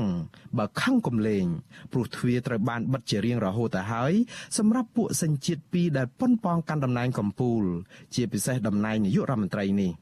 ភ្លាមនោះញ៉ាត់គាំទ្រសេចក្តីស្នើច្បាប់នេះបានធ្លាក់មកដូចភ្លៀងបាក់មេឃ គឺធ្លាក់មកពីគ្រប់ទិសទីទាល់តែថ្ងៃបន្ទាប់គឺថ្ងៃទី6ខែតុលាទើបក្រសួងការបរទេសកម្ពុជាសរសេរលិខិតតវ៉ាដោយសុំការបញ្ជាក់ឡើងវិញជំវិញការផ្សាយរបស់កាសែតអង់គ្លេសនេះនៅថ្ងៃទី6ខែតុលានោះដែរកាសែតអង់គ្លេសបានកែតម្រូវអត្ថបទរបស់ខ្លួនដោយដកឈ្មោះលោកហ៊ុនសែនពីអ្នកទិញសញ្ជាតិស៊ីបក៏ប៉ុន្តែសរសេរឃ្លាថាមនុស្សសំខាន់សំខាន់ដែលជាចំណិតរបស់លោកហ៊ុនសែនបានទិញសញ្ជាតិស៊ីបនេះ មជ្ឈដ្ឋានទូទៅចោទជាសំណួរថាចុះបើគ្រាន់តែកាសែតសរសេរខុសលោកសំរងស៊ីដកស្រង់សម្ដីតាមលោកហ៊ុនសែនគួរគ្រាន់តែសុំឲ្យកសែតនោះកែតម្រូវទៅជាការស្រេចទៅហើយចាំបាច់អ្វីរហូតដល់ទៅស្នើកែរដ្ឋធម្មនុញ្ញដើម្បីកំណត់សញ្ជាតិតែមួយនេះទៅវិញលោកហ៊ុនសែនធ្លាប់និយាយនឹងលេបសម្ដីខ្លួនលោករាប់ភ្លេច រឿងថាលែងចលក់មាត់ឬលែងនិយាយអំពីលោកសំរងស៊ីក៏ប៉ុន្តែលោកហ៊ុនសែនប្រហែលមានជំងឺភ័យខ្លាច និងមានភាពមិនទុកចិត្តខ្លួនឯងខ្លាចបាត់អំណាចពេកទោះលោកបានរំលាយគណៈបកសង្គ្រោះជាតិរួចទៅហើយនិងបានប្តឹងផ្ដាល់លោកសំរងស៊ីជាច្រើនករណីទៅតុលាការហើយក៏ដោយក៏លោកហ៊ុនសែនទំនងជានៅតែមើលឃើញថាលោកសំរងស៊ីនៅតែជាស្រមោលអន្ទោលតាមប្រានលោកគប់ពេលវេលា នៅមុនលោកហ៊ុនសែនស្នើច្បាប់កំណត់សញ្ជាតិបំណងបិទផ្លូវលោកសំរងស៊ីកុំឲ្យធ្វើនាយករដ្ឋមន្ត្រីបាននេះសមាជិកសភាអាមេរិករួមគ្នាអនុម័តសេចក្តីស្នើច្បាប់ដាក់ទណ្ឌកម្មមន្ត្រីរបបក្រុងភ្នំពេញច្បាប់ដាក់ទណ្ឌកម្មនេះត្រូវសភាសហរដ្ឋអាមេរិកអនុម័តនៅក្នុងពេលដែលលោកសំរងស៊ីនិងមន្ត្រីគណៈបកសង្គ្រោះជាតិជាច្រើនរូបផ្សេងទៀតបំពេញទស្សនកិច្ចនៅអាមេរិកនិងជួបតំណាងរាជសហរដ្ឋអាមេរិកជាច្រើនដូច្នេះការដែលលោកហ៊ុនសែនប្រញាប់ស្នើច្បាប់សម្ដៅលើការបិទផ្លូវលោកសំរងស៊ីនេះ ក៏អាចជាចេតនានយោបាយរបស់លោកហ៊ុនសែនដើម្បីប៉ុនប៉ងផ្ដាច់ក្តីសង្ឃឹមរបស់អ្នកគាំទ្រគណៈបកប្រឆាំងដើម្បីឲ្យពួកគាត់យល់ថាលោកសំរងស៊ីនឹងមិនអាចវិលមកកាន់គណៈបកប្រឆាំងនេះវិញបាន ជារួមអ្វីដែលលោកហ៊ុនសែនប្រញាប់ធ្វើច្បាប់ទាំងតក់ក្រហល់នេះគឺអាចគ្រាន់តែដើម្បីរងាប់បញ្ហាផ្លូវចិត្តរបស់លោកដែលខ្លាចលោកសំរងស៊ីដណ្ដើមតំណែងជានាយករដ្ឋមន្ត្រីនិងដើម្បីប្រយោជន៍បន្តក្រាញអំណាចយូរអង្វែងរបស់លោកនិងក្រុមគ្រួសាររបស់លោកតទៅទៀតតែប៉ុណ្ណោះ។ បើទោះបីជាយ៉ាងនេះក្តីការបង្ខំកែរដ្ឋធម្មនុញ្ញធ្វើច្បាប់សញ្ជាតិតែមួយរបស់លោកហ៊ុនសែននេះក៏អាចជាការឆក់ឱកាសរបស់លោកដោយយកសម្ដីចោតប្រកាន់របស់លោកសំរងស៊ីជាលេសទៅកែរដ្ឋធម្មនុញ្ញដើម្បីធានាថាមិនមានខ្មែរមកពីបរទេសណាម្នាក់អាចដណ្ដើមតំណែងនាយរដ្ឋមន្ត្រីនេះបានឡើយគឺដើម្បីឲ្យលោកហ៊ុនសែនទុកតំណែងនេះឲ្យគ្រួសារនិងបកពួករបស់លោកទៅពេលខាងមុខបើទោះបីជាក្នុងបំណងណាមួយរបស់លោកហ៊ុនសែនក៏ដោយ បើយោងតាមសំអាងហេតុខាងលើ ការកែរដ្ឋធម្មនុញ្ញដែលជាច្បាប់កម្ពុជានិងដែលត្រូវធ្វើឡើងទាំងមិនមានពេលដេកពួនក្នុងកលៈទេសៈបែបនេះគ្មានហេតុផលសមស្របណាមួយ ដែលថាធ្វើដើម្បីប្រយោជន៍ជាតិនោះឡើយផ្ទុយទៅវិញសេចក្តីព្រៀងច្បាប់នេះធ្វើឡើងដើម្បីគ្រាន់តែបំពេញភាពអាត្មានិយមជំរុញឲ្យមានការរើសអើងខ្មែរគ្នាឯងដែលមានសញ្ជាតិពីរឬច្រើន និងបង្ហាញអំពីភាពដឹកនាំបែបផ្ដាច់ការ តាមអារម្មណ៍ភ័យខ្លាចបាត់អំណាចតែប៉ុណ្ណោះខ្ញុំបាទមុងណារ៉េត With you Aziz Ray ប្រធានាទី Washington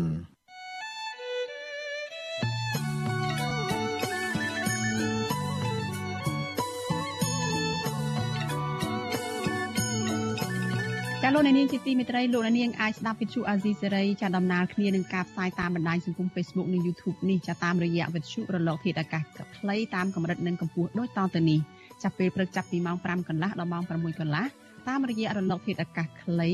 ចា13715 kHz ស្មើនឹងកម្ពស់ 22m ពេលយប់ចាប់ពីម៉ោង7កន្លះដល់ម៉ោង8កន្លះតាមរយៈរលកធាតុអាកាសខ្លី9960 kHz ស្មើនឹងកម្ពស់ 30m និង11240 kHz ស្មើនឹងកម្ពស់ 25m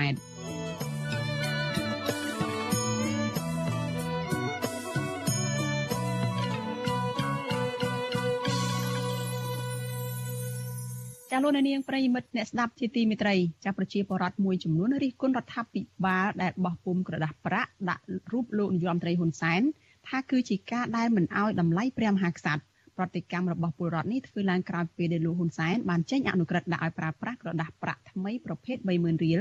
ដែលលោកអះអាងថាដើម្បីអបអរសាទរខួប30ឆ្នាំនៃកិច្ចព្រមព្រៀងសន្តិភាពទីក្រុងប៉ារីស23តុលាអ្នកវិភាគនយោបាយយល់ថា នេះគឺជាការអបអរបែបប្រជាពិធចាលោកទីនសការីយ៉ារាយការណ៍ព័ត៌មាននេះប្រជាពលរដ្ឋមួយចំនួនលើកឡើងថាការដើររបបលហ៊ុនសែនបោះពុំលុយថ្មីនេះគឺជាការមើលងាយព្រះមហាក្សត្របច្ចុប្បន្ននិងជាការកេងចំណេញនយោបាយក្រមប្រជាពលរដ្ឋនៅខេត្តស្វាយរៀងនិងខេត្តកោះកុងប្រាប់អសិលសេរីនៅថ្ងៃទី18ដុល្លារថាលហ៊ុនសែនមិនគួរណាដាក់រូបខ្លួនឯងនៅក្នុងក្រដាស់ប្រាក់ថ្មីប្រភេទ30000រៀលនោះទេប្រជាពលរដ្ឋទាំងនេះបន្តថា ការដែលធ្វើបែបនេះគឺជាការមិនផ្ដល់តម្លៃដល់ព្រះមហាក្សត្រខ្មែរបន្ថែមពីនេះពួកគាត់មើលឃើញថាការបោះពុំលុយថ្មីនេះមិនមែនជាការអបអរខួប30ឆ្នាំនៃកិច្ចព្រមព្រៀងសន្តិភាពទីក្រុងប៉ារីសថ្ងៃ23ដុល្លារនោះទេក៏ប៉ុន្តែលោកហ៊ុនសែនបែរជាចង់លើកខ្លួនឯងចង់ធ្វើជាស្ដេចពីព្រោះរបបឯកបកមិនបានគោរពសិទ្ធិមនុស្សនិងបានបំផ្លាញប្រជាធិបតេយ្យ ខ្ញុំអត់គ្រប់គ្រងទេបើសិនជាគាត់ដាក់សម្ដេចព្រះមហាក្សត្រសីហមុនីអានឹងខ្ញុំគ្រប់គ្រងព្រោះអីគាត់ជាព្រះមហាក្សត្រនៅគាត់នៅរស់ជំនួដល់ពេលដាក់ព្រះបរមរតនកោដ្ឋហើយនឹងគាត់វិញអញ្ចឹងព្រះមហាក្សត្រសពថ្ងៃហ្នឹងគាត់លុបបំបត្តិចោលតែម្ដងមួយថ្ងៃមួយថ្ងៃគាត់គិតតែពីរឿងប្រយោជន៍តខ្លួនរបស់គាត់គាត់មិនដែលគិតប្រយោជន៍ជាពលរដ្ឋគាត់មិនដែលគិតថាជាពលរដ្ឋរស់នៅទឹកដីខ្មែរត្រូវការអ្នកណា ស្រឡាញ់អ្នកណាជ្រើសរើសអ្នកណាឬមួយសរុបអ្នកណាផងរបស់គាត់យកតែខ្លួនគាត់ត្រូវយកតែខ្លួនគាត់ល្អតែឯងអញ្ចឹងអត់មានគ្រប់សិទ្ធិជាពលរដ្ឋផងមួយថ្ងៃទៅថ្ងៃឃើញតែយំមិនស្រេចដូចគ្នានេះដែរសកម្មជនគណបកប្រឆាំងដែលកំពុងតែភៀសខ្លួននៅប្រទេសថៃលោកផុងសុជាតិថ្លែងថាការដែលលោកហ៊ុនសែនបោះពុំលុយថ្មីនេះគឺជាការបំភាន់ភ្នែកប្រជាពលរដ្ឋដើម្បីកេងចំណេញនយោបាយតែប៉ុណ្ណោះលោកយល់ថាការធ្វើបែបនេះពីព្រោះលោកហ៊ុនសែនដឹងថាសប្តាហ៍ថ្ងៃនេះលែងមានប្រជាពលរដ្ឋគ្រប់គ្រងលោកទៀតហើយ ហើយដូច្នេះហើយសម្រាប់រូបខ្ញុំផ្ទាល់គឺថាសូមថ្កោលទោសយ៉ាងខ្លាំងក្លាចំពោះអំពើរំលោភរបស់លោកហ៊ុនសែនចំពោះជាតិខ្មែរនេះពួកលោកកំពុងតែតាំងខ្លួនថាគឺជាស្ដេចនៅក្នុងប្រទេសហើយលោកយករូបខ្លួនឯងមកដាក់នៅក្នុងគេហៅថារូបិយប័ណ្ណរបស់ជាតិនេះគឺថាលោករំលោភយ៉ាងធ្ងន់ធ្ងរប្រតិកម្មរបស់បរដ្ឋទាំងនេះក្រោយពេលរដ្ឋាភិបាលបានចេញអនុក្រឹត្យអនុញ្ញាតឲ្យចរាចរណ៍ និងប្រើប្រាស់ក្រដាស់ប្រាក់ប្រភេទ30000រៀលគម្រោងថ្មីលោកហ៊ុនសែនបង្ហោះសារនៅក្នុង Facebook របស់លោកថា ការបោះពុំលុយថ្មីនេះដើម្បីអបអរសាទរខួប30ឆ្នាំនៃកិច្ចព្រមព្រៀងសន្តិភាពទីក្រុងប៉ារីសនិងខួប30ឆ្នាំនៃការយាងចូលនិវត្តន៍របស់ព្រះករុណាព្រះបាទសម្ដេចព្រះនរោត្តមសីហនុនៅក្នុងក្រដាស់ថ្មីនេះមានដាក់រូបលោកហ៊ុនសែនឈរចាប់ដៃជាមួយសម្ដេចព្រះនរោត្តមសីហនុអតីតព្រះមហាក្សត្រខ្មែរ អ្នកប្រើប្រាស់បណ្ដាញសង្គម Facebook បានបង្ហោះសាររិះគន់ប្រងព្រាតថាការបោះពុំលុយថ្មីដល់ដាក់រូបលោកហ៊ុនសែននេះគឺជាការមើលងាយដល់ព្រះមហាក្សត្របច្ចុប្បន្ននិងជាការបញ្ជាក់ថាលោកហ៊ុនសែនចង់ធ្វើអ្វីក៏បានតាមតែអំពើចិត្តលើសពីនេះទៀតបរដ្ឋមួយចំនួនរិះគន់ថារបបលោកហ៊ុនសែនមិនបានផ្ដល់តម្លៃនិងបានបំពេញតាមកិច្ចសន្យាដែលមានចែងនៅក្នុងកិច្ចព្រមព្រៀងសន្តិភាពទីក្រុងប៉ារីសនោះទេពីព្រោះកាលពីឆ្នាំ2019 របបឯកបកបានលុបចោលទិវារំលឹកខួបនៃកិច្ចព្រមព្រៀងសន្តិភាពទីក្រុងប៉ារីស23ដុល្លារចេញពីប្រតិទិនឈប់សម្រាកប្រចាំឆ្នាំទាក់ទងនឹងបញ្ហានេះអ្នកនាំពាក្យគណៈបកកណ្ដាលអំណាចលោកសុកអេសានប្រាប់វិទ្យុអាស៊ីសេរីថា ការបោះពុំលុយថ្មីនេះគឺជាការលើកដំកើងវីរភាពសម្ដេចព្រះនរោត្តមសីហនុចំពោះការដាក់រូបលោកហ៊ុនសែនវិញលោកបញ្ជាក់ថានេះជានិមិត្តរូបដើម្បីបង្ហាញឲ្យឃើញថាអតីតព្រះមហាក្សត្រនៅលោកហ៊ុនសែន ជាអ្នកប្រួយផ្ដើមនាំមកនូវកិច្ចព្រមព្រៀងសន្តិភាពនៅក្នុងប៉ារីសអញ្ចឹងវាជាអនុស្សាវរីយ៍តាវាមានតែរឿងស្អីអឺធ្វើឲ្យប៉ះពាល់ដល់កិត្តិយសព្រះមហាក្សត្រវាអត់មានទេទោះបីជាយ៉ាងនេះក្តីនាវិភាននយោបាយលោកមរិតឡាវបង្ហាញមើលឃើញថាការបោះពុំលុយថ្មីដើម្បីអបអរសាទរខួបគម្រប់30ឆ្នាំនៃកិច្ចព្រមព្រៀងសន្តិភាពនៅក្នុងប៉ារីសនេះមិនមានអ្វីសំខាន់នោះទេព្រោះជាការធ្វើឲ្យល្អមើលតែសម្បកក្រៅតែប៉ុណ្ណោះ លោកបញ្ជាក់ថាអ្វីដែលសំខាន់រដ្ឋាភិបាលគួរតែអនុវត្តខ្លឹមសារនៃកិច្ចព្រមព្រៀងសន្តិភាពនៅក្នុងប៉ារីសឲ្យបានត្រឹមត្រូវទើបបានជាប្រយោជន៍ជាតិលោកបញ្យលទៀតថាកិច្ចព្រមព្រៀងសន្តិភាពនៅក្នុងប៉ារីស23ដុល្លារឆ្នាំ1591គឺជាកិច្ចព្រមព្រៀងដែលធានាជាអន្តរជាតិអំពីអធិបតេយ្យភាពបូរណភាពទឹកដីឯករាជ្យឯកភាពជាតិធានាលើការគោរពនៅលទ្ធិប្រជាធិបតេយ្យនិងការគោរពសិទ្ធិមនុស្សជាដើម។ ដូចសប្តាហ៍ថ្ងៃនេះមានការចងសម្ព័ន្ធភាពខាងយោធាដើម្បីការពារតំបន់អាស៊ីប៉ាស៊ីហ្វិកកាឥឡូវគេហៅថា Indo Pacific ហ្នឹងបាទចេះព្រោះយ៉ាងដល់ចឹងយើងប្រឈមមុខដាក់គ្នាវាទៅជាដែលយើងនឹងបាទគេឲ្យនៅដែលឈាមអាជាក្រិតដាច់មកហើយប្រទេសទាំងអស់ហ្នឹងពាក់ព័ន្ធហ្នឹងគឺសិតតែសន្យាគោរពអាជាក្រិតភាពហ្នឹងណាដូច្នេះគឺយើងឥឡូវហ្នឹងគឺដល់យើងដែលបោះបង់ចោលអាជាក្រិតភាពយើងយើងទៅដែលចូលក្នុងចំនួនរវាងមហាអំណាចទៅទៀតខាងភូមិសាស្ត្រនយោបាយរបស់មហាអំណាចទៅជារឿយៗរបបលហ៊ុនសែនមិនសូវផ្ដល់តម្លៃខ្លាំងដល់ថ្ងៃរំលឹកខួបនៃកិច្ចព្រមព្រៀងសន្តិភាពទីក្រុងប៉ារីស23ដុល្លារនេះទេកាលពីឆ្នាំ2005លោកធ្លាប់បានលុបចោលថ្ងៃរំលឹកខួបនៃកិច្ចព្រមព្រៀងសន្តិភាពទីក្រុងប៉ារីស23ដុល្លារម្ដងរួចទៅហើយ7ឆ្នាំក្រោយមកពលគឺនៅឆ្នាំ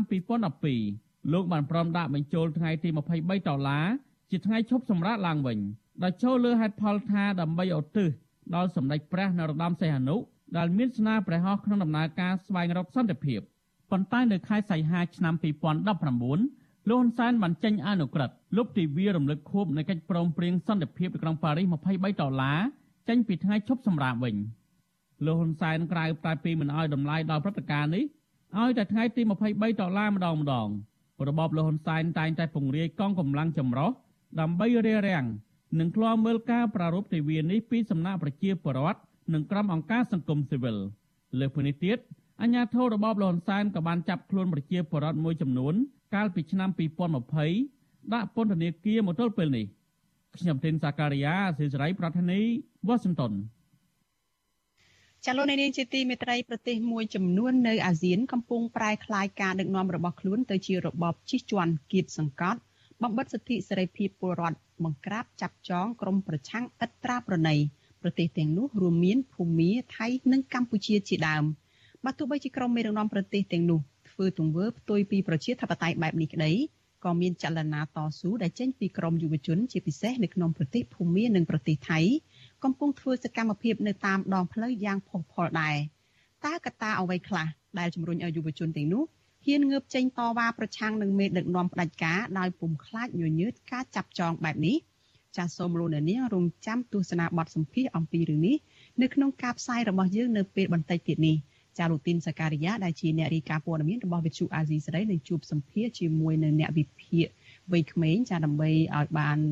លើកឡើងពីទស្សនៈរបស់យុវជនចំពោះការដែលយុវជនហ៊ានចេញតវ៉ាប្រឆាំងនឹងមេដឹកនាំផ្ដាច់ការនៅតាមនៅតាមបណ្ដាប្រទេសមួយចំនួនដូចជាប្រទេសថៃនិងប្រទេសភូមានេះជាដើមចាសសូមលោកនាងកុំភ្លេចតាមដានបទសម្ភាសន៍នេះនៅក្នុងការផ្សាយរបស់យើងនៅពេលបន្តិចទៀតនេះ។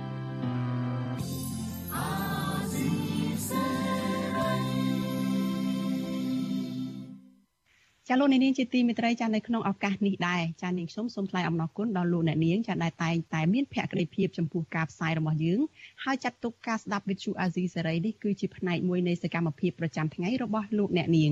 ចាការគ្រប់គ្រងរបស់លោកអ្នកនាងនេះហើយដែលធ្វើឲ្យយើងខ្ញុំមានទឹកចិត្តកាន់តែខ្លាំងថែមទៀតនៅក្នុងការស្វែងរក និងផ្តល់ព័ត៌មានជូនលោកអ្នកនាងចាំមានអ្នកស្ដាប់មានអ្នកទស្សនាកាន់តែច្រើនចាកាន់តែធ្វើឲ្យយើងខ្ញុំស្វាហាប់និងមោះមុតជាបន្តទៅទៀត ចាលោកអ្នកនាងអាចជួយយើងខ្ញុំបានដោយចុចចែករំលែកការផ្សាយរបស់វិទ្យុអាស៊ីសេរីនេះចាទៅកាន់មិត្តភ័ក្តិរបស់លោកអ្នកនាងគឺការផ្សាយរបស់យើងតាមបណ្ដាញសង្គម Facebook និង YouTube នេះចាដើម្បីឲ្យការផ្សាយរបស់យើងបានទៅដល់មនុស្សកាន់តែច្រើន ចាលោកនាងជាទីមេត្រីចានៅក្នុងការផ្សាយជាបន្តទៅទៀតនេះចាគឺការផ្សាយតាមបណ្ដាញសង្គម Facebook និង YouTube នេះចាលោកនាងនឹងបានទស្សនាបទសម្ភាសន៍មួយចាដែលសម្របសម្រួលដោយលោកទីនសាការីយ៉ាចាស្ដីអំពីមូលហេតុអ្វីបានជាយុវជននៅប្រទេសមួយចំនួននៅក្នុងតំបន់